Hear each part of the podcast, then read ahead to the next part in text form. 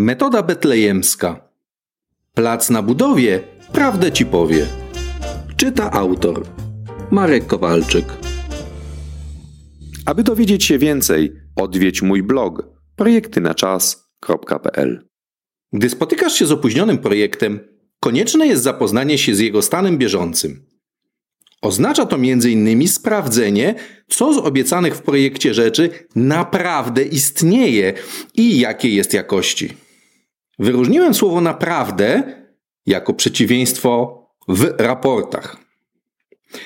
Pierwsza wytyczna audytu opóźnionych lub zagrożonych projektów to zastosowanie metody betlejemskiej poszli i znaleźli. Doświadczenie pracy z klientami obfituje w sytuacje, w których w dokumentacji jest wykop, a w terenie hałda. Dlatego właśnie Unia Europejska kazała zainstalować kamery na stadionach budowanych w ramach Euro 2012. Plac na budowie prawdę ci powie.